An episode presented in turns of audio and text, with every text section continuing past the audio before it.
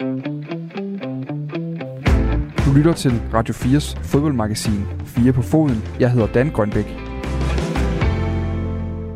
Fodboldprofessoren øh, han rykker endelig ind i det der store job, som mange har ventet på, han skulle øh, forsøge sig med. Ralf Rangnick, manden der ifølge mange connoisseurs primært skrev den oprindelige opskrift til øh, det her massiv genpres, som tyske fodboldtrænere i de her år sejrer sig igennem Europa med. Han skal endelig træne et sådan ægte storhold, når han indtil næste sommer skal være midlertidig manager for Manchester United. Men hvem er han egentlig, ham her, den næsten mytiske figur med øh, taktiktavlen, og hvordan kan det ende i Manchester, der har været kendt for at være for stor en øh, mundfuld for nærmest samtlige trænere siden legendariske Alex Ferguson. Det bliver du klogere på i dagens udgave af Fire på Foden, hvor vi også skal forbi et øh, Brentford, som stik mod tendensen i fodboldverdenen ikke har tænkt sig at udgive en ny trøje til næste sæson. Fansene har rigeligt i forvejen. Vi skal tale med Signe Brun, der bomber løs for landsholdet og samtidig gør sig til daglig på det mest vindende europæiske klubhold Lyon. Og så skal vi også høre mere om koefficientchancerne for de danske klubber inden den sidste gruppekamp i Europas klubturneringer, og lidt om den nye bestyrelse i Sønderjyske. Som du søger, så er det tæt pakket første times program, vi har af Fire på Foden i dag. Jeg hedder Dan Grønbæk, og jeg skal lede slagets gang.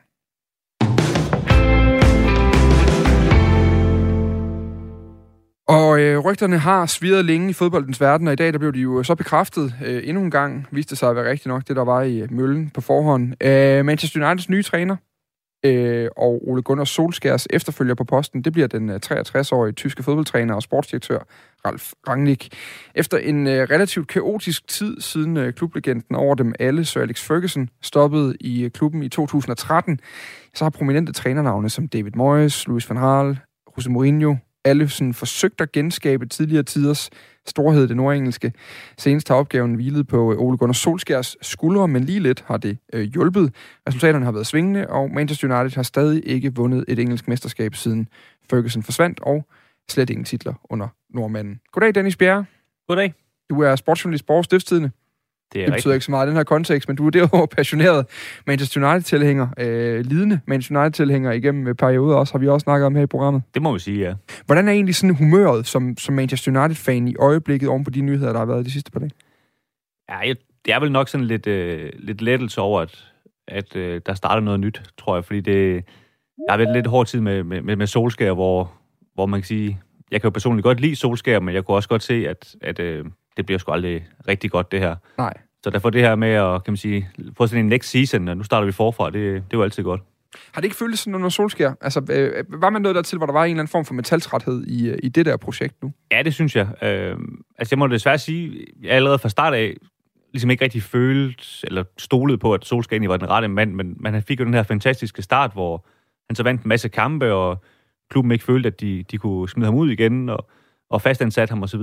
Men, men jeg følte ligesom hele tiden, okay, øh, er, er det, giver det mening det her? Og, og, og det var det her med, når, når han er så stor en, en legende i klubben, jamen, så kan de bare ikke lige skille sig af med ham igen. Så de, på en eller anden måde synes jeg, de var lidt fanget i deres, øh, i deres eget spind på en eller anden måde, ikke? Hvor, hvor kan man sige, på, på den måde var det jo sådan egentlig godt, at det så ligesom endte med at sige, de tager jo nogle kampe her og siger, okay, nu, nu bliver vi nødt til at gøre noget nyt. Nu ja. gør vi noget helt nyt. Han har faktisk lidt været udlagt som sådan en, øhm, på en eller anden måde har, har narrativet om ham jo været sådan lidt sådan en hjælpeløs karakter, der ikke rigtig havde en plan med det, han lavede, men var heldig, at det gik godt ja, og, en gang altså, imellem. Det synes jeg så også, der går jo nogle gange lidt mod i, at, at uh, Ralf Rangnick, han er jo så nu åbenbart det, det, det største geni, verden har set og Solskjaer, han, han har aldrig set en fodboldbane før. Så, sådan synes jeg nogle gange, det bliver lidt udlagt lidt, lidt sort-hvid. Ja. Øh, vi skal også huske, at uh, Solskjaer han har, han har slået Pep Guardiola fire gange. Det er jo ikke noget, man gør bare, fordi man, man gør et eller andet tilfældigt. Altså, så har man lidt uh, taktisk uh, kendskab, trods alt, til det, man laver. Men, men vi må også konstatere over de, de tre år, han var i klubben, at, at han fik ikke nok ud af det. Han, han har nogle rigtig gode spillere, og, og han fik det aldrig til at, til at køre uh, optimalt. Hvad, hvad, bare lige kort, hvad, hvad, er det, hvad er det for et eftermæle? Hvad er der tilbage efter Solskjaer? Er der, også noget, er der noget, han, man bygger videre på? Eller hvad? Ja, det, det synes jeg, der er. Altså, jeg synes, der er en, der er en masse unge spillere. Uh, Rashford, uh, Greenwood, de her unge spillere. Uh, til dels så uh, sådan som, som McTominay, uh, uh, som kan man sige, kommer fra egen avl, og, og nogle spillere... Uh, nogle af dem fik debut før han kom, ikke, men det er virkelig under ham, de har fået lov til at, at blomstre. Ja. Uh, og, og dem synes jeg, der på en måde efterlader han klubben et godt sted, hvor der virkelig er noget at, at bygge videre på, og der er også en, en masse af de spillere, han har købt ind, som egentlig er nogle, nogle ganske stabile spillere, synes jeg så. Så på den måde har han jo ikke brændt klubben ned, som, som Mourinho han jo nærmest gjorde, da, da han havde, havde forladt klubben, vel? Så, så, så på den måde synes jeg at han, han giver noget videre, og så sådan rent øh, personligt med ham, synes jeg egentlig også, at han slap fra klubben uden at miste sin legendestatus, eller hvad man skal sige. Altså, jeg, ja. jeg kan godt som, som fan se på ham som, som spilleren stadigvæk, og så er der sådan et notat i fremtiden, der hedder, at han var også lige træner på et tidspunkt, men, men det er spilleren, vi, vi husker, ikke? Øh, den nye mand, Ralf Rangnick her, han er et øh, prominent trænernavn i Tyskland, selvom han jo faktisk ikke har haft altså, de, sådan de traditionelle storklubberne, altså øh, en, en Dortmund, en Bayern. Øh, og efter det her interview, der kan du høre et, øh, et, et portræt af Rangnick af, af skribent på Bullibold, uh, Mads Bjergård, som har kigget, kigget tæt på Rangnicks karriere. Også fordi Mads, han er, han er en utrolig stor Schalke-mand, hvor Rangnick jo også senest i sommer var lidt inde omkring, øh, om, om han skulle være den nye mand i det her øh, øh, kuldsejlede Schalke-projekt, som er i gang er i genopbygning nu. Men, men uanset hvad, så er han i hvert fald af, af mange sådan fodboldhjernen, set som fodboldhjernen bag opbygningen af de her stærke Bundesliga-hold, som, øh, som Hoffenheim, som uh, Red Bull Leipzig, som begge lå uh, langt ned i rækkerne, da han overtog styringen med dem, og senest har han så været sportsdirektør i den, uh, i den russiske ligaklub Lokomotiv Moskva. Um, han er jo så ansat som midlertidig træner i Manchester United indtil næste sommer, hvor han så overgår til sådan en eller anden form for konsulentrolle i den sportslige afdeling, som ikke rigtig er defineret endeligt endnu, øh, virker det til. Det, det er jo svært at sige og spå om, om det bliver godt, Dennis Bjerg, det her.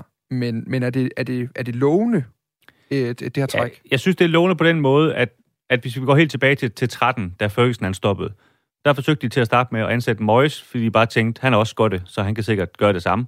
Det kunne han så ikke. Så gik de ligesom mod to, okay, vi tager det største navn, vi kan finde, Van Gaal, øh, Mourinho, og så kom Solskjaer på en lidt tilfældig måde. Ikke? Så det, det var sådan hele tiden, okay, lad os, lad os købe det største navn, der er. Øh, og man kan sige, det havde så været det samme, hvis man havde hentet sit andet nu. Øh, så har man gjort præcis det samme. Og det, og det synes jeg, den model har jo vist sig at spille for lidt. Øh, også fordi, at, at klubben er så dårligt ledet. Øh, den er i hvert fald, altså kan man sige, økonomisk er den godt ledet, men sportsligt er der ikke rigtig nogen ledelse i, i klubben. Og det gør jo, at det er den manager, der, der ligesom sidder der, som, som styrer det hele.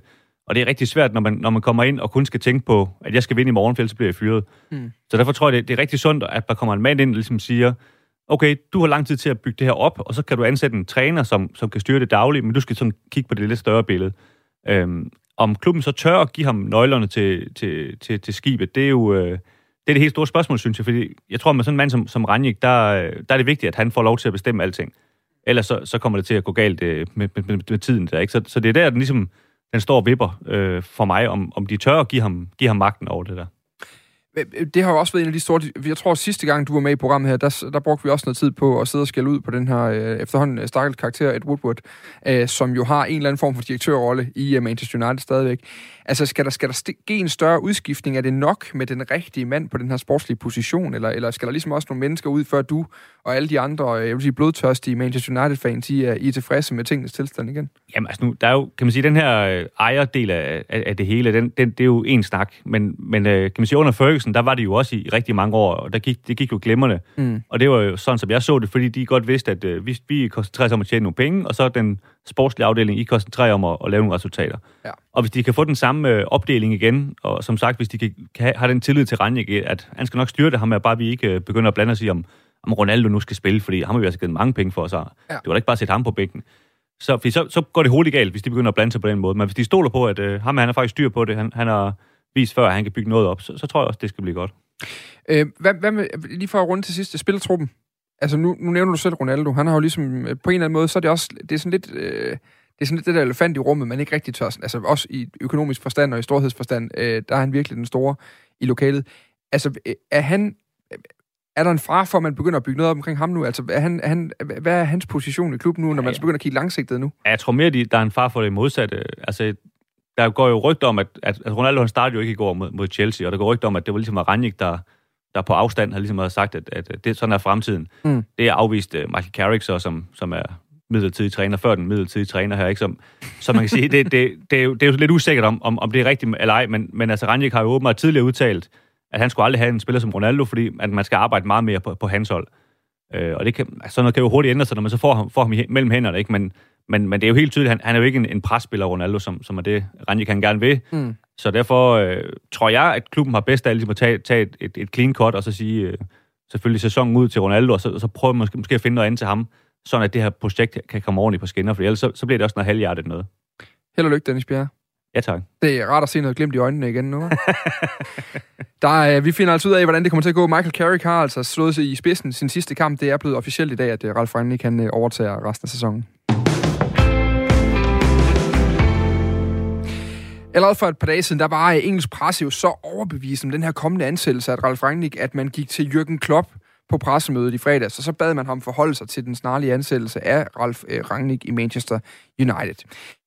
Klopp har selv som øh, Dortmund-træner i Bundesligaen stødt ind i Rangnick, da øh, sidstnævntes øh, Hoffenheim-hold i 2008 simpelthen blæste Klopps Dortmund fuldstændig i stykker med en 4-1-sejr en måned efter, de var rykket op i Bundesligaen på det tidspunkt. Og Klopp havde ikke helt glemt respekten for Rangnick på det her presmøde. unfortunately, a good coach is coming to England. Uh, so that's how it is uh, to Manchester United. So Ralph is obviously a really, a really experienced manager, built most famously two to two clubs from nowhere to uh, proper threats and proper forces in Germany with Hoffenheim and Leipzig. Og nu skal vi blive klogere på øh, historikken bag øh, Ralf Rangnick og øh, hvordan han nåede den position, han har nu. Og det skal du hjælpe os med, Mads Bjergård. Pænt goddag. God aften. Du er øh, skribent hos øh, Bundesliga-mediet Bullybold.dk, og derudover for meget, meget trofaste og, øh, og, og, og lojale lyttere, som har en god hukommelse. Der kan de måske også huske, at, at du var med, da vi på et tidspunkt lavede en, øh, en time om Schalke 04, fordi du også driver en nyhedsside på, på Facebook om, om Schalke, som jo må sige at være din, din, din hjerteklub. Men du er også manden bag et portræt af Ralf Rangnick inde på Bullybold.dk, som jeg, som jeg faldt over. Jeg synes, vi egentlig skal starte med sådan at, at kigge tilbage. Altså, hvornår dukker Ralf Rangnick op på, på fodboldradaren i Tyskland første gang? Jamen, øhm, det gør han sådan set i slutningen af, af 90'erne. Øhm, han er på det her tidspunkt træner for SSV Ulm, som ligger i øhm, anden Bundesliga. De har lige rykket op fra Oberliga-niveau, fra Oberliga til Regionalliga til anden Bundesliga, altså taget et øh, kvantespring på, på to divisioner på to sæsoner. Og på baggrund af den succes, måske også overraskende succes, så, øh, så bliver han interview, øh, inviteret til ZDF øh, Sportsstudio, hvor at han bliver placeret foran en øh, taktiktavle sammen med verden, og så skal han igennem de næste fem minutter redegøre for, hvordan det er, han har fået den her store succes med, med Ulm. Øhm, og han, han arbejder sig ligesom ind i det her interview ved at være en mand, som ser lidt ukomfortabel ud i det her jakkesæt. Han står lidt med en krum positur, men man kan tydeligt mærke, at det her det er en, en person, der ved, hvad han snakker om. Han introducerer et koncept, hvor at øh, firebakkæden skal være langt mere aggressiv. De skal være med i den her 4-4-2-formation som en del af helhed af holdet. Det er ikke bare forsvarsspillere, det er nogen, der skal presse. De skal dække deres zoner, og de skal i højere grad være mere aktiv i, i resten af spillet. Og, og med det her udlæg, der bliver han utrolig populær. Han får med det samme navnet fodboldprofessoren. Og det gør han, fordi at han sådan set den aften i slutningen af 90'erne er med til at skabe det, som er grundlaget for, for gegenpressing. Mm. Og det er jo faktisk, gegenpressen er jo det format, eller det koncept, eller det begreb, som vi øh, for alvor har lært at kende i, øh, i fodboldgruppe over de sidste sæsoner, hvor, hvor trænere som øh, Hansi Flick, som Jürgen Klopp særligt, og Thomas Tuchel øh, har, har, har taget den ene titel efter den anden. Jeg kunne godt tænke mig lige at, at vende reference med dig, øh, faktisk, Mads, fordi, fordi jeg har lidt tænkt på, øh, på Ralf Rangnick som sådan lidt en tysk pendant til en Marcelo Bielsa. Altså fodboldtrænerne er meget, meget glade for ham, øh, ser op til ham, og, og, og han har ikke som sådan haft den her kæmpe topklub, med al respekt for dit, uh, dit kærlige uh, forhold til, til Schalke mm. 04. Altså, øhm, hvad, hvad, er han sådan, øh, hvad er han sådan for en, for en, for en figur? Ja, man kan godt sige, at den sammenligning, den har noget holdt, fordi at ligesom Bielsa, så er det en, en meget kompromisløs mand. Um, han har et uh, klart koncept. Han har en klar idé om, hvordan tingene skal gøres, og det har han altså haft igennem 20 år nu. Han har selvfølgelig ændret og tilpasset sig tiden, men grundlæggende så har han en tro på, at spillerne de skal arbejde hårdere, de skal presse mere end det andet hold, og de skal være alle sammen så integreret i holdet, at det kan lykkes. Der kan ikke være en mand, der kan ikke være en Cristiano Ronaldo, som ikke tager det ekstra løb, fordi så vil taktikken ikke virke, så vil de sidste 10 mand se øh, latterligt ud i den situation, de står i. Så, så han er en utrolig hård manager, han forventer 100% af sig selv, og det er jo også 100% af ledelse, bestyrelse, spillerne på banen. Mm. Og det har jo selvfølgelig også øh, ja, haft nogle konsekvenser tidligere af hans karriere Øh, som jeg sagde lidt tidligere, så rykker han jo bogstaveligt talt op i Superligaen, de tyske trænere, øh, da han, da han fører Hoffenheim op i den øverste række, og efterfølgende så er han også med til at, til at tage samme tur med, med RB Leipzig øh, til de øverste luftlag i Tyskland, øh, ligesom du også forklarer med, med Ullen tilbage i, i 90'erne. Hvad, hvad er hans rolle særligt i Hoffenheim og i, og i Leipzig-projektet? For det er jo det her, han skaber det der øh, meget markante navn. Ja, man kan sige, øhm, at da han bliver ansat i Hoffenheim, der, der får han en, en stor pose øh, kapital i ryggen. Han, øhm, han kommer ind i en fodboldklub, som sådan set ikke har nogen forhistorie. Det er en klub, som har blevet opkøbt og blevet omdøbt til, til Hoffenheim. Det er milliardæren Dietmar Hopp, som øh, har øh, virksomheden Saab. Øhm, han får en stor pose penge i ryggen, og han får muligheden for at bygge det her hold op som en kombineret øh, træner og en kombineret sportsdirektør. Og det er ligesom med det her store, øh, blanke lærred, at han får lov til at bygge det hele op. De rigtige spillere, de rigtige trænere, den rigtige taktik. Og det er lidt det samme, vi ser i Leipzig. Er der også en stor pose penge, hvor han får lov til at bygge holdet op for bund. Og man må bare sige, når han får den mulighed for ligesom at have et, en finger med i, i, i hele klubben, jamen så er der bare succes, både på den korte, men også på den lange bane. Der er de seneste dage jo blevet, nu spillede jeg et klip med Klopp før, øh, som jo øh, også har, har, har i hvert fald har, har lagt noget af sit fundament, eller han er en del af fundamentet for Klopp, Ralf Rangnick. Øh, men der bliver også skrevet vidt og bredt om forholdet mellem ham og Thomas Tuchel, der i dag er, er træner i Chelsea, en anden af, af rivalerne i Premier League nu. Øh, af nogen bliver han jo så beskrevet som hjernen bag den her spillestil, som de her yngre trænere har, har, har vundet Champions League med efterfølgende. Altså, hvad er relationen mellem de tre?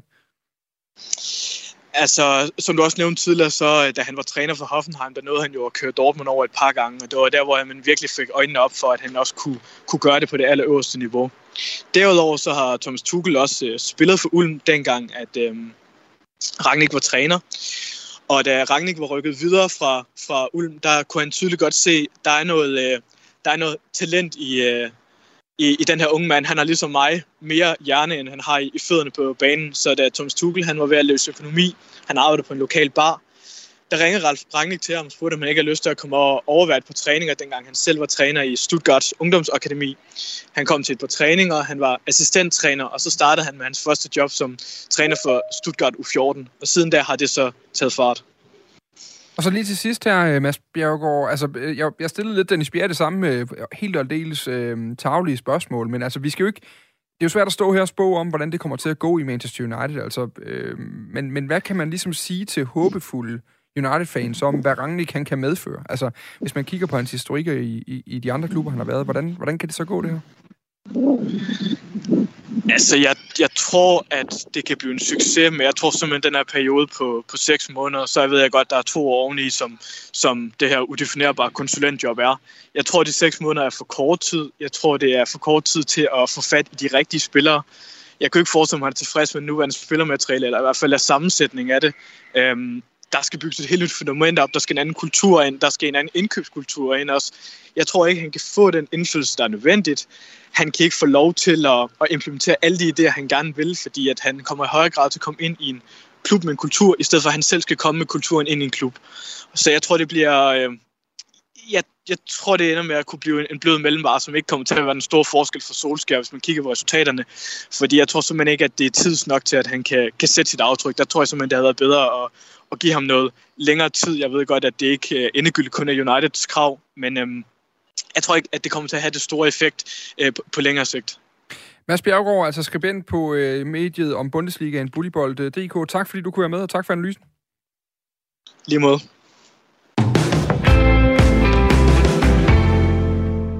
Så skifter vi øh, ikke sport, men vi skifter i hvert fald øh, køn og går over og kigger på kvindefodbolden. Fordi i morgen spiller det danske kvindelandshold VM-kvalifikationskamp mod Rusland. De ligner umiddelbart lige nu den direkte modstander i kampen om en billet til det VM, som Danmark altså ikke har været med til siden 2007. Hende, der skal score målene, udover Pernille Harder, hun hedder Signe Brun, og hvis ikke du kender hende endnu, jamen så er det på tide at komme til det. Hun er nemlig en af Danmarks mest formstærke fodboldprofiler lige nu, med 17 mål i de seneste 16 kampe for landsholdet, også sin ny klub Lyon, der vandt Champions League alle årene fra 2016 til 2020. Min kollega Niklas Stein, han fangede sine brun i landsholdslejren tidligere dag til en snak om det, der meget vel kan ligne et gennembrud af de helt store så har jeg lige fået hul på bylden, hvis man kan sige det på den måde, øh, både i, i klubben og på landsholdet. Så det er selvfølgelig mega fedt, når man som angriber scorer mål. Det er jo tit det, man også lidt bliver vurderet på som angriber. Så ligesom at kunne, kunne vise, at, at det er en egenskab, man har, og man på den måde kan, kan hjælpe holdet, det, det er selvfølgelig mega, mega fedt. Øh, jeg forsøger at gøre alt, hvad jeg overhovedet kan for at fortsætte på den måde, og for at, at bygge videre, øh, og ja, måske også ride på bølgen så lang tid som overhovedet muligt, hvis man kan sige det på den måde. Øh, så jeg, jeg arbejder videre og, og gør alt, hvad jeg kan for at fortsætte i det spor. Du er stadig sådan relativt øh, ny øh, på, øh, på landsholdet, og du, du er stadig ret ung, 23 år, hvis jeg ikke husker helt forkert. Øhm, og sådan den brede øh, fodboldbefolkning øh, i Danmark kender jo nok bedre sådan nogen som Pernille Harder og Nadia Nadim. Øhm, men, men det er efterhånden svært at, at, at, at ikke at kunne have lært dig bedre at kende her på det seneste. Føler du, det er et gennembrud, du er i gang med nu? Jeg synes, det er så svært, det der med gennembrud. Altså, hvordan definerer man et gennembrud, og, og, og hvad er det lige præcis, der øh, vil sige, at nu er gennembruddet kommet, eller nu er det ikke. Øh, så så det, det synes jeg er svært at sige, men, men selvfølgelig har jeg, har jeg spillet mere, end jeg har gjort længe. Nu har jeg også endelig kunne holde mig skadesfri, øh, så det er jo også dejligt, at, at de ting også hænger sammen. Øh, så jeg nyder bare helt vildt meget at, at, at, at spille noget mere, og selvfølgelig også score mål. Det har jeg jo altid haft som, som et mål, at, at skulle være en fast del af landsholdet. Så, så at jeg står her lige nu, øh, det er selvfølgelig mega, mega fedt. Hvad er det så, der er lykkedes for dig på det seneste? Altså, hvad er det, der gør, at det lige pludselig er begyndt at gå så godt for dig lige nu? Jamen, jeg tror, det er en blanding af, at jeg for det første har kunne holde mig skadesfri, fordi hvis man kender mig, så ved man måske også, at jeg har døjet lidt med skader tidligere hen. Øh, jeg havde en, en, en korsbåndsskade for et par år siden, og, og efter den øh, jeg har jeg egentlig sådan kunne holde mig skadesfri, så jeg tror også bare, at på den måde har jeg bare kunne bygge på og bygge på og bygge på over en, en rigtig lang periode, både det fodboldmæssige, men også det fysiske og taktiske og tekniske. Mentalt også har jeg også haft rigtig stor fokus på. Øh, jeg har haft en, en mental træner, Carsten Oldengård, tilknyttet igennem ja, det er for en fire år, tror jeg. Så alle de der ting, der ligesom er sat i gang, jamen de begynder at bære frugt nu. Øh, og det er selvfølgelig mega fedt, når man kan se, at alt det hårde arbejde, det lige så stille begynder at give lidt tilbage. Det, det, det lyder ret interessant. Kan du fortælle lidt mere om det? Hvad, hvad er det, du arbejder med øh, med ham, som er, som er lykkedes for dig? Jamen det, det, det er både på og uden for banen. Øh, på banen har vi arbejdet meget med at øh, finde ud af, jamen, hvad jeg er god til, og hvordan sætter jeg mig selv i de situationer på banen, hvor jeg er allerbedst, og på den måde få det bedste ud af, af mine egenskaber. Øhm, så, så det har vi haft fokus på på banen. Øh, uden for banen har vi, nu er jeg jo lige skiftet klub, så der har det også handlet rigtig meget om at, at falde til i en ny klub og få skabt nogle, nogle relationer, og også få gjort tydeligt, hvad er jeg som fodboldspiller, og hvad er jeg som en person, som ligesom kan falde til hurtigst muligt, øh, og, og man også jeg bliver brugt rigtigt i den nye klub. Der skal man jo altid lige lære hinanden at kende. Jeg har også skulle lære klubben at kende. Øhm, men ja, det, det er svært at sådan sige én ting, fordi det, det, der, der er mange, vi har også mange ting, vi har været på længe, som efterhånden bare er, ligger automatisk i mig nu. Øh, så, så, så, på den måde er det svært at sådan sige den her konkrete ting. Men, men både på og, og uden for banen. Hvad, hvad var dine tanker bag at skifte fra, fra PSG til, til Lyon? Jamen, jeg er egentlig rigtig glad for at være i, i Paris, øh, og har udviklet mig sindssygt meget som fodboldspiller, og også som person i de tre år, jeg var der. Flyttede også til Frankrig, da jeg var 19, tror jeg, så, så det var også tidligt at komme afsted, øh, så lærte, lærte jeg jo helt vildt meget om, om mig selv. Øhm, men det var som om, der var sådan et, et opbrud, øh, og jeg synes også for mit eget, egen vedkommende, at jeg sådan synes, det var ved at være tid til at, at skulle prøve noget nyt og komme lidt ud af min, min comfort zone øh, og blive udfordret lidt på, på nye parametre parametre og måske også set på med, med nye øjne. Øhm, så da Lyon de, de ringede og sagde, at de var interesseret i mig, øh, så, så var det jo mega spændende. Øh, så har jeg selvfølgelig haft en masse jamen, samtaler med dem og frem og tilbage, og, og hvad skal planen, hvad, hvad er planen? Øh, og så i sidste ende, jamen, så synes jeg, at det var den, den bedste mulighed for mig. Øh, og, og det, ja, glad for mit valg og, og rigtig tilfreds med det indtil videre. Du startede jo så øh, på bænken, og, og har ikke sådan, som jeg ser det i hvert fald, øh, kæmpe, øh, kæmpe, hvad hedder det, overtaget en, en, en fast plads på holdet endnu, men du er så alligevel begyndt at score en del mål. Jeg tror, det blev til en, til en seks mål i ni kampe, øh, cirka. Øh, hvad, hvad er ambitionerne i forhold til lige præcis Lyon? Jamen det er rigtigt. Jeg har måske ikke startet helt så meget, som, som jeg gerne vil. Jeg har dog fået nogle starter undervejs også, så det er ikke fordi, jeg slet ikke har startet, men, men selvfølgelig er det jo også ambitionen at skal ind og starte ind, og ligesom være en af de første, der bliver valgt til holdkortet hver gang. Øh, og, og i den forlængelse også score mål. Øh, det her tror jeg også, jeg har sagt tidligere, at, at jeg vil gerne score, score mål på et af, af de gode hold i Europa. Øh, så, så det er helt sikkert ambitionerne, også målsætningen i Lyon, øh, og skal ind og have en, ind og have en startplads og, og være en del af de, de 11 første. Lyon har jo faktisk i en, i en lang periode sat sig på den, den sådan klare trone, øh, hvad angår kvindefodbold, øh, klubkvindefodbold i, øh, i Europa. De vandt som sagt fem år i træk øh, indtil 2020. Er det noget, øh, du kan mærke? Nej, jeg synes, at, at der, man kan godt mærke egentlig også allerede den første dag øh, mødte vi ind øh, og, havde et møde om, hvad er vores målsætninger. Og der viste træneren bare et, et powerpoint af, af de tre pokaler. Øh, ligaen, pokalturneringen og så Champions League, og, og så blev vi alle sammen enige om, at, at det var målet. Øh, og det ved jeg jo, det har det jo været de sidste mange år dernede. Øh, så, så det er ret hurtigt øh, heller ikke en hemmelighed, at vi har de målsætninger. Øh, når det så er sagt, så synes jeg også, at alle de ting omkring øh, bliver, er også ligesom de skal være. Altså den måde, vi rejser på til kampe, træningsbaner, omklædningsrum, faciliteter, øh, de staffmedlemmer, øh, antallet af dem, kvaliteten af dem osv., synes jeg det hele også stemmer overens med, at man godt kan tillade sig at have de målsætninger. Så, så jeg kan godt mærke, at, at det er ligesom en klub, som, som går efter at gå hele vejen, øh, og, og det hele er også sat op efter, at der er muligheder for at gå hele vejen. Så det, det er helt vildt fedt at være en del af. Omvendt kan man så også sige, at, at øh, det var jo så FC Barcelona, et andet hold, der begyndte at satse stort på kvindefodbold, der vandt Champions League og brød den her ret imponerende Lyon-team tidligere år. De var i finalen med, med Chelsea, som, øh, som jo også satte sig stort og hentede Pernille Harder, din, øh, din holdkammerat på, på landsholdet, og i hele taget bliver der, bliver der satset enormt meget økonomisk på kvindefodbold i, i England. Er det omvendt noget, du og I kan mærke i, i, i Lyon, at den her konkurrence er blevet mere skærpet sådan på europæisk plan?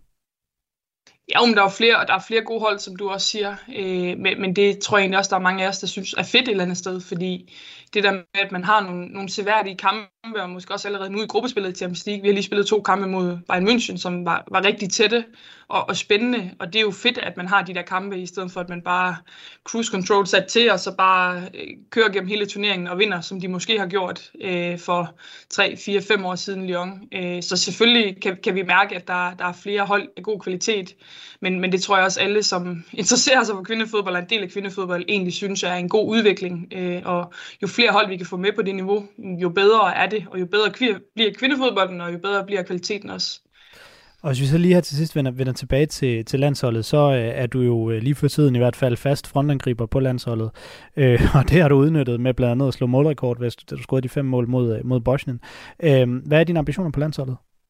Jo, nu har vi jo det hjemme til, til sommer, øh, og der tror jeg da alle sammen, vi helt vildt godt kunne tænke os at nå langt i den EM-turnering, og vise hele Danmark, hvad, hvad kvindefodbolden også kan, og måske også jamen, gentage succesen for sidst, skulle jeg til at sige. Øh, vi kommer i en svær gruppe, så selvfølgelig øh, er det en, en stor udfordring, men vi drømmer om at nå langt, og vi drømmer om at kunne skabe et godt resultat, øh, og, og det er jo også mine ambitioner, at kunne være en del af sådan et hold, og, og også bidrage vi står her og snakker dagen før en, en vigtig VM-kvalifikationskamp mod Rusland. Hvor, hvor meget fylder EM allerede nu? Er det noget, du kan koncentrere dig fuldt ud om?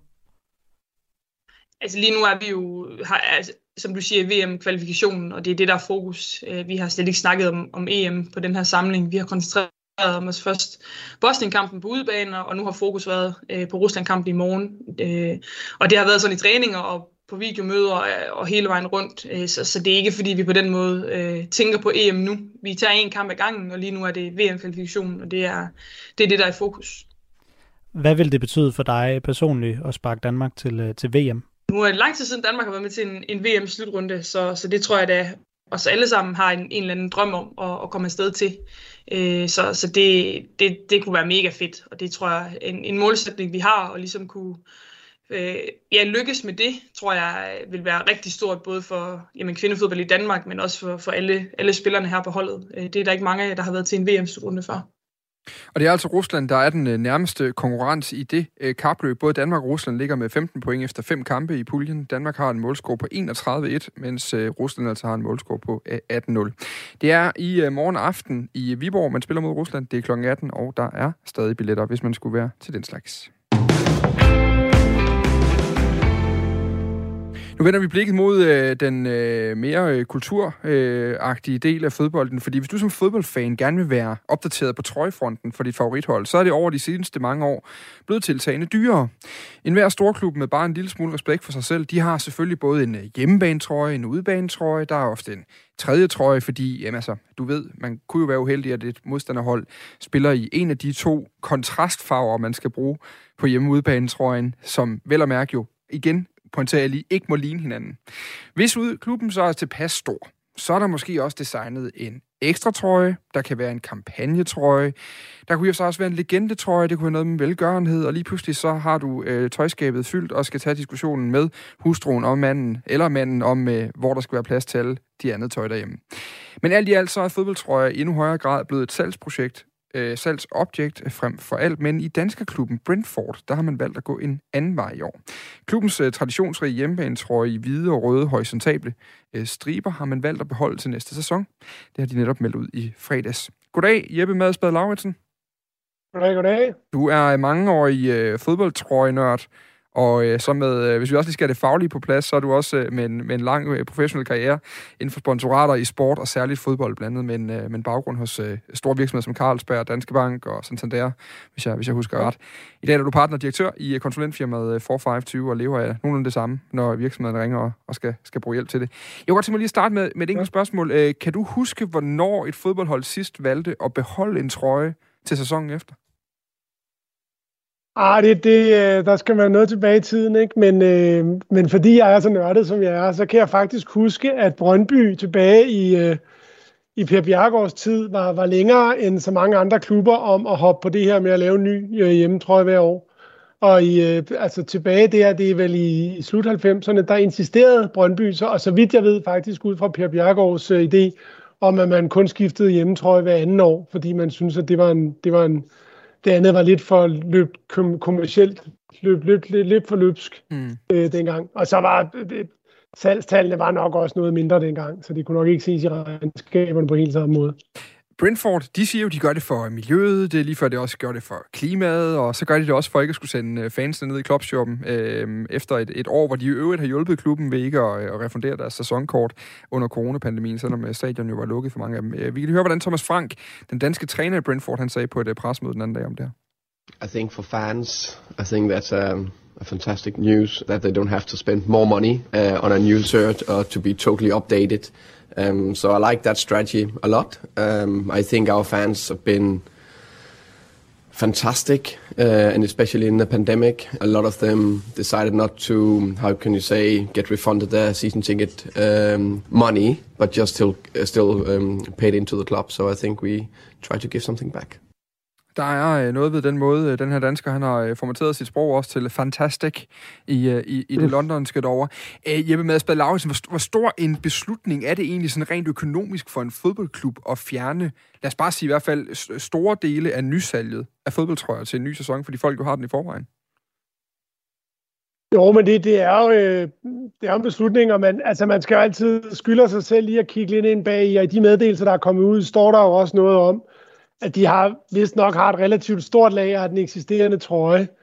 øh, og og, og det, øh, det skal man selvfølgelig tage med, men, men dog synes jeg, at øh, dem ville man jo tidligere have sat på udsalg og prøvet for at få skubbet ud til en lav pris, så der var plads til den nye trøje på hylderne. Ikke? Eller man var direkte i, i tøjindustrien, gør man jo også nogle gange ved, at man simpelthen øh, kasserer tøjet og destruerer det, mod at få noget moms, moms øh, refunderet, eller, eller hvad det nu hedder, på, på de kanter. Ikke?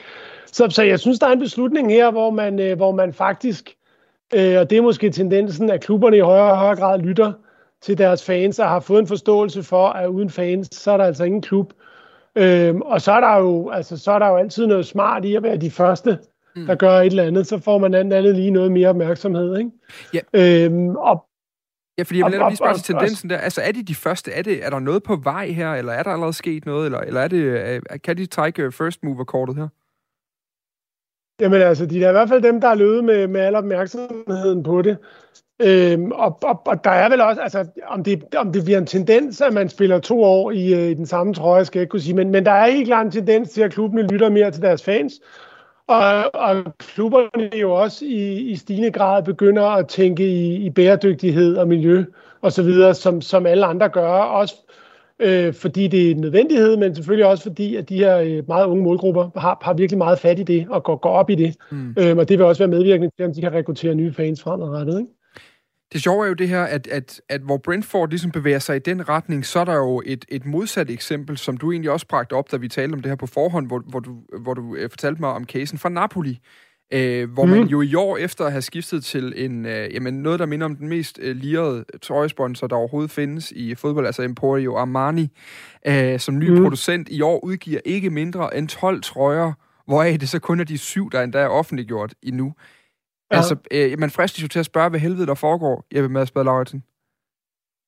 Jamen altså, det er, jo, det er jo den anden ende, hvor man har sat nogle italienske moddrenge til at se, hvad de kan, hvad de kan få ud af at, at sælge trøjer i, i en fodboldklub. Ikke? Øhm, og øhm, det er jo i hvert fald ikke øh, miljøbudskabet. Man kan sige omvendt, så, så er der lidt af det samme med, at de nok er den første klub nogensinde, der får lanceret 12 trøjer på et år. Mm. Det får man også noget omtale på. Øhm, og så tror jeg, at virkeligheden er jo nok, at, er det nok ikke, man, man ved nok godt, at den gruppe, der køber samtlige 12 trøjer, den er, den er relativt lille. Men det er klart, at med 12 trøjer, der får du mulighed for at arbejde med, med et antal farver og et antal øh, mønstre osv., som gør, at måske flere fans, øh, som, som umiddelbart ikke vil have købt en trøje, får, får flere forskellige at vælge imellem, og måske derfor går hen ind mm. og, og køber en trøje. Ikke? Og så i, i Napoli-tilfældet her er det jo også noget med, at der har været noget et år for, øh, for klubbens store held, Diego Maradonas øh, alt for tidlig død. Øh, det har kastet nogle trøjer sig. Øh, der har været noget Halloween-trøje osv. Men, men jeg tror, det, det er noget med, at det er med, med Armani som sponsor, har man fået et modefirma ind, der virkelig skal se, hvor mange trøjer man egentlig kan, kan kaste ud til fansene på et år og, og optimere salget den vej rundt. Mm. Ja, det er meget sjovt, det du nævner her med, med, med fanvinklen i det, for jeg hæftede mig faktisk ved en artikel fra The Southwest London og mediet, som talte med en ung fan af Brentford på, på 21, mm. Som jo godt kunne se den der fede hensigt i beslutningen for klubben, men som derudover faktisk synes, det var lidt ærgerligt. Fordi han kunne ikke gå og glæde ja. sig til at, og sådan ligesom at, at, at man droppede en ny trøje, og han kunne gætte på, hvordan den så ud, og alt det her, der også var omkring trøjeudgivelsen hver eneste år. Hvordan har du egentlig selv som, som fodboldtrøje samler, som du jo også er, øh, med, med sådan nogle tiltag her? Altså tager det også noget magien væk fra det? Ja, det synes, det, det synes jeg da, det gør. Og altså, man kan sige, hjemme hos mig, jeg har jo mange børn, der også er glade for fodbold, tror jeg. Der, der bliver nogle huller på, på, på juleønskelisten, hvis der ikke begynder, eller hvis der begynder at rette en tendens mod, at der ikke kommer nye trøjer hver år. Øh, men, men jeg synes, altså, jeg synes også, det er, det er et sympatisk budskab, og jeg synes, det er, det er fint, at man, man begynder at tænke ud i andet, end bare at se, hvor mange trøjer man kan trykke ned mm. i fansens lommer. Og så kan man sige, tilfældet med ham, den unge fyr her, altså hvis han har nogle penge, der brænder i lommen, så kan man nok finde noget andet i fanshoppen, han, han kan få lov at købe. Lurer mig, om ikke han i hvert fald... Det kan han skulle tage at holde med Napoli i stedet, for der er lidt at komme efter der i hvert fald. Øhm, ja. Til sidst, uh, Jeppe, bare lige kort, det er jo også din ekspertise. I forhold til sponsorer på trøjen, ja. altså hvad betyder det for dem? Fordi mm. det er jo samtidig også færre trøjer formodentlig, der kommer i omløb, øh, må man sige, og derved færre med, med logoer, der løber rundt i, i det sydvestlige London. Ja, man kan sige, altså det er jo, det er jo formentlig en beslutning, der er klappet gråt og grundigt af med både trøjeproducenten Umbro, og øh, jeg mener, der står Hollywood Bets på, på maven af, af Brentford, ikke? Ja.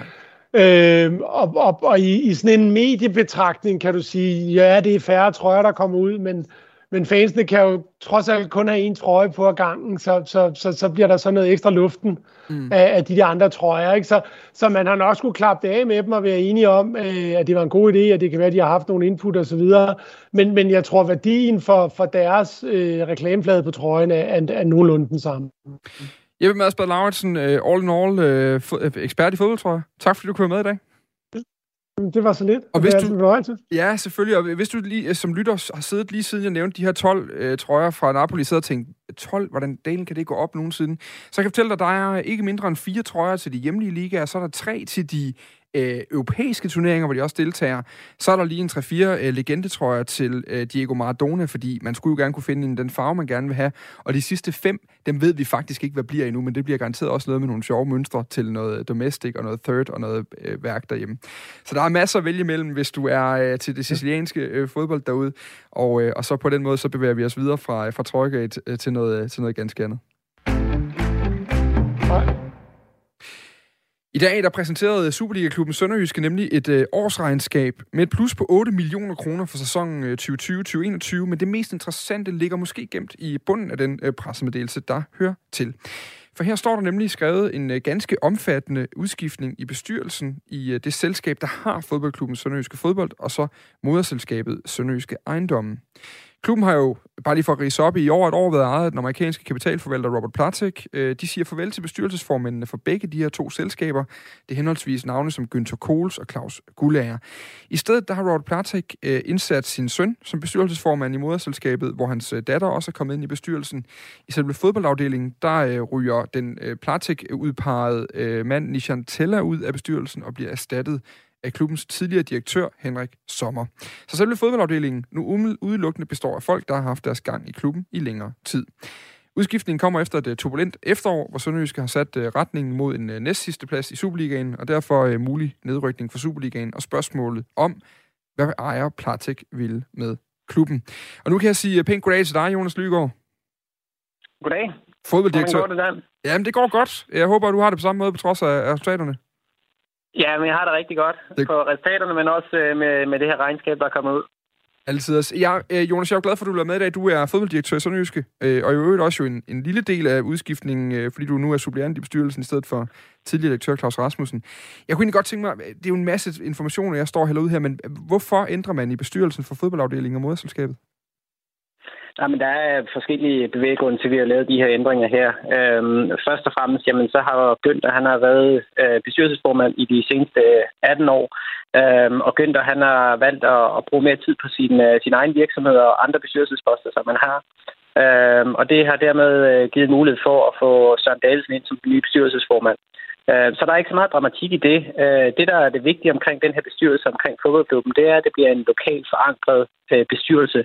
Det vil sige, øh, som du retmæssigt sagde, så bliver det en bestyrelse, der består af folk, som vi allerede kender, både med, med Claus Dahl, Kasper Stjernegård, Anders Andresen, og så med, med nyvalgt Henrik Sommer, og så selvfølgelig med, med Søren Davidsen som, som formand.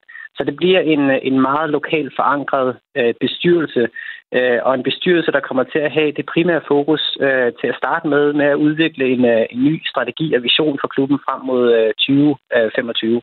Øh, så det er, det er en rigtig interessant ændring, hvor vi vil sige, at hele den her lokale forankring har været rigtig, rigtig vigtig for os, øh, og det har været noget, som, som har været et stort fokus her de seneste par måneder.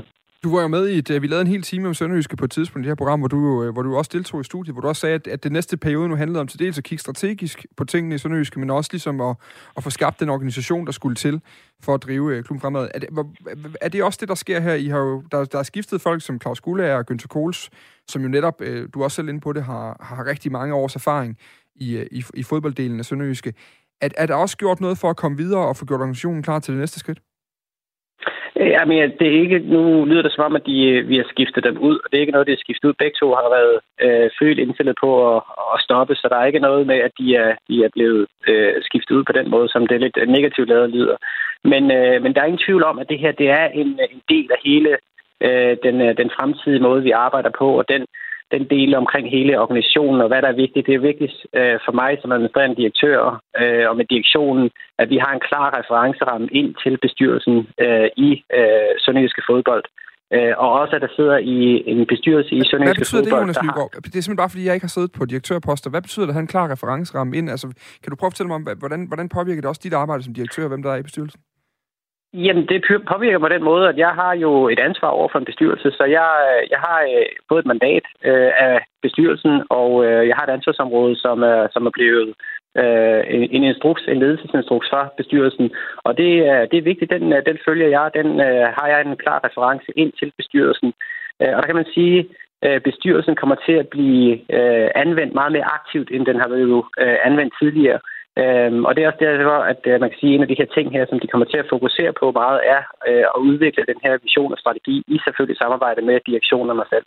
Mm. Så det, det har været en rigtig væsentlig ting, og det er den måde, som vi, vi siger, jamen den her, uh, der har været meget tale omkring, at den er amerikansk ejet, og, og det har en masse omvæltninger. Der, der, der er ingen tvivl om, at der har været nogle ændringer, men det er også vigtigt for os at, at sige med det her, jamen det er, at det her, det er en lokalt forankret fodboldklub, øh, der er øh, øh, placeret her i Sønderjylland, og det er, det er vigtigt for os. Øh, det er også derfor, det er vigtigt for os, at vi har fået lokale kompetencer ind i bestyrelsen. Øh, så det er, det er den måde, det, det, vi har lavet nogle små ændringer på, men det er, det er klart for at styrke den her organisation, vi har.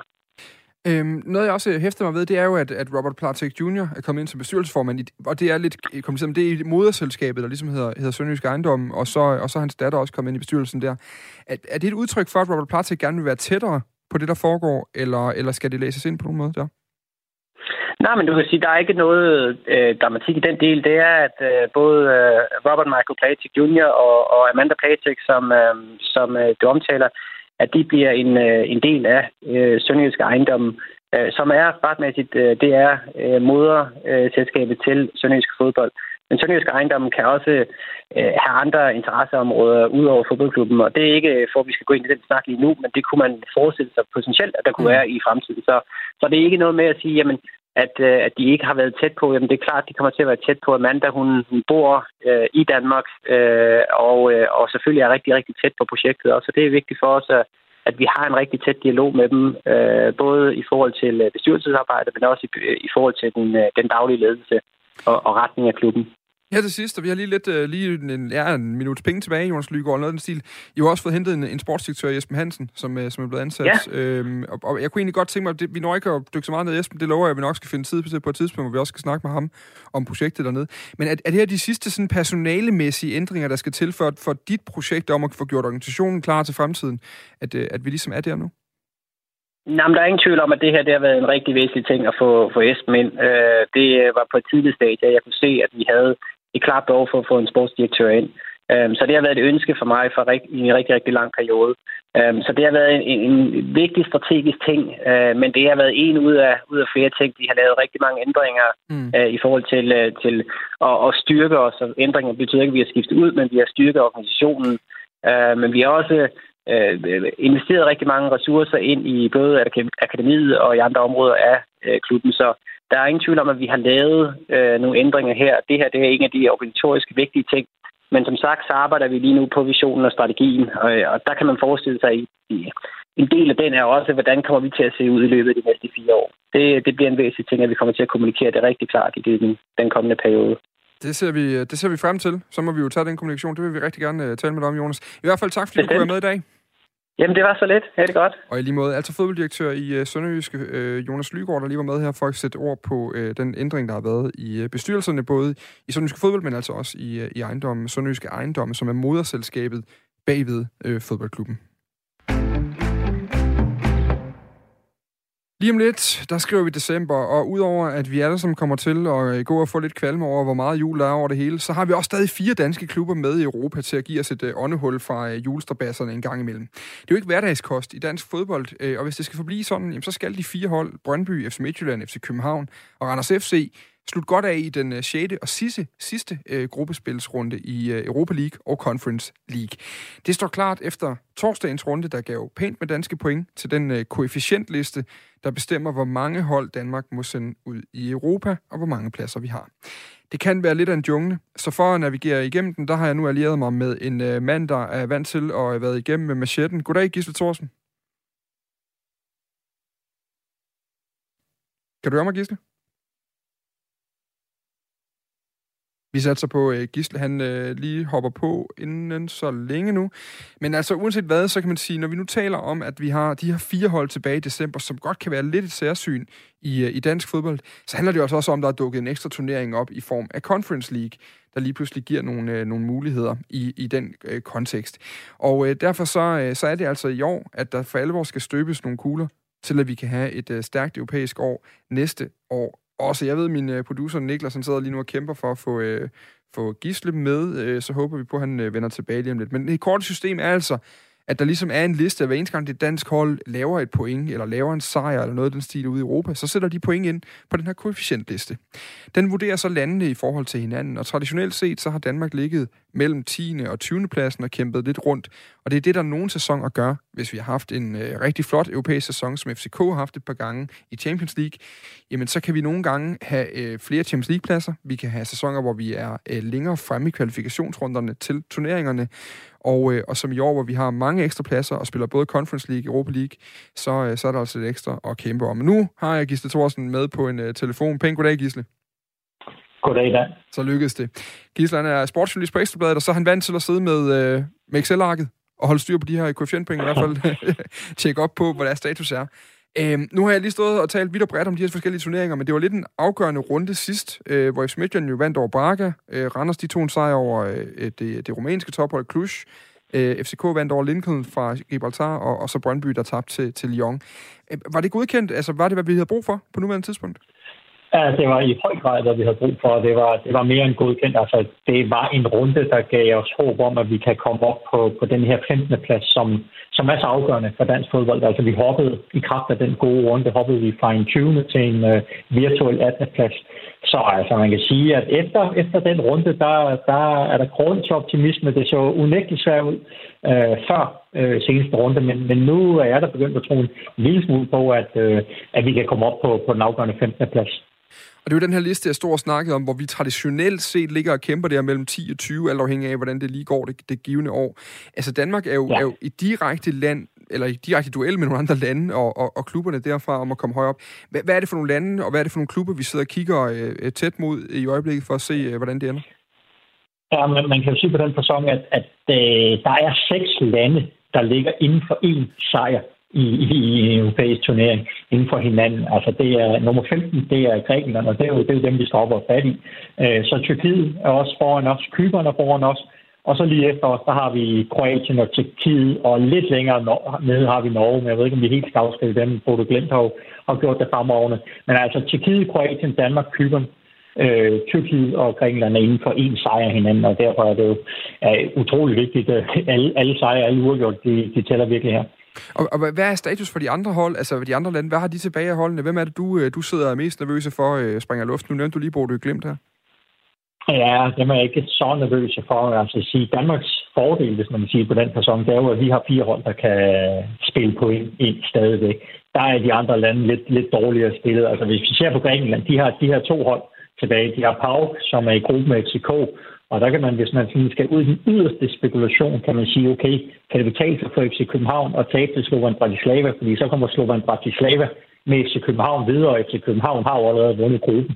Så er det ikke rigtigt, så går Danmark glip af, 0,4 point til listen, fordi FCK ikke vinder, men til gengæld får Prag ikke chancen for at tjene øh, yderligere point. Ah. Øh, de har også, øh, ja, det er, det er kompliceret, ja. de har Olympiakos, de er sikre på at gå videre for, for Europa League. Altså det, det vil sige, at de kommer til at spille nogle point ind. Øh, så holder jeg selvfølgelig også lidt øje med, med, med tyrkerne.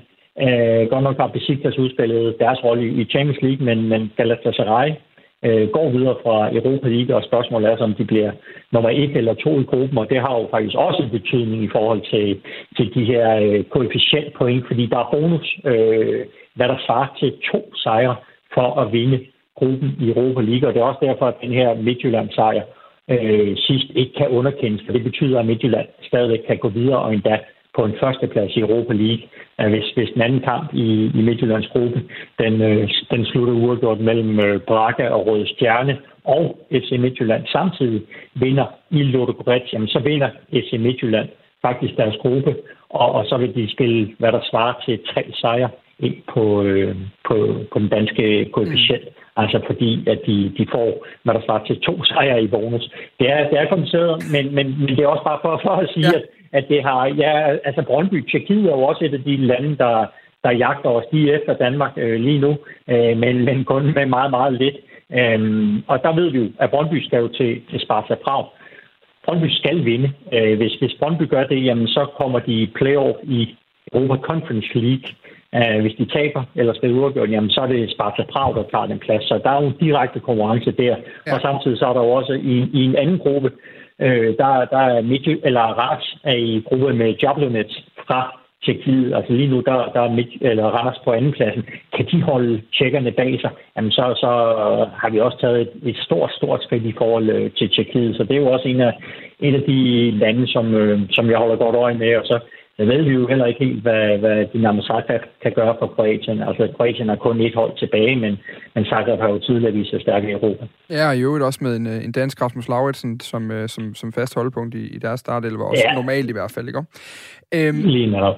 Hvad er, det, hvad er det, vi kæmper om på den her 15. plads, Gisle? Hvorfor er det, vores øjne er så, øh, så snært rettet mod den? Jamen, det er det, fordi at, at der er en enorm forskel på at være nummer 15 og så nummer 16 i Europa.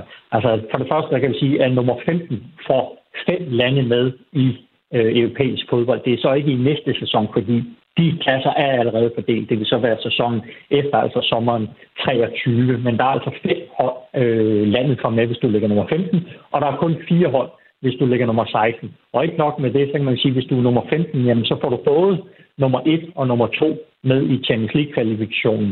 Øh, du får din pokalvinder med i Europa League-kvalifikationen, og så to hold i Conference League. Hvis du bliver nummer 16, jamen, så er det altså kun mesteren, der er med i Champions League-kvalifikationen, og de træder ind i første runde af den her Champions League-kvalifikation. Nu her, der er det øh, tredje kvalifikationsrunde. Vi så jo, at Midtjylland skulle faktisk kun vinde det opgør over Celtic for mm. at være sikker på at komme i Europa League. Altså, det vil, det vil forsvinde øh, fremover, at hvis, hvis man allerede skal ind i første runde, så man sige, så er turen meget lang. Og tilsvarende, jamen der vil, der vil nummer to og nummer tre og nummer, øh, ja, pokalvinderen også træde ind i Conference League, og det ja. vil de gøre allerede i anden kvalifikationsrunde. Så der er sådan en meget, meget lang til, vej til gruppespillere. Det vil sige, fordelen ved at være i enten Champions League eller Europa League-kvalifikationen, jamen det er jo, at der også er en, en, den her faldskærm, at, at hvis man rører ud i en runde, jamen, så ryger man ligesom en turnering ned. Den vil også være væk. Så er det kun øh, mesteren, der, der eventuelt vil få den mulighed. Gisle Thorsen, journalist på Ekstrabladet med øh, skarpt øje på koefficienterne og med viden om alt det, jeg ikke forstår. Tusind tak for, øh, for indføringen i koefficientsystemet. Velkommen, Dan. Og øh, vi holder altså skarpt øje med den sidste runde i både Conference League og Europa Leagues øh, gruppespil, som er her i øh, starten af december. Og så er der altså en lang tids øh, pause, hvor det først er til øh, foråret, hvor vi igen skal se europæisk øh, klubfodbold. Forhåbentlig med, øh, med alle fire øh, danske hold, eller ikke med, med tre af de fire danske hold, og så må vi se, hvordan det, det spiller ud i forhold til, til, til Brøndby. Uanset hvad, der er mere fire på foden lige på den anden side af en omgang nyheder, dem får du lige her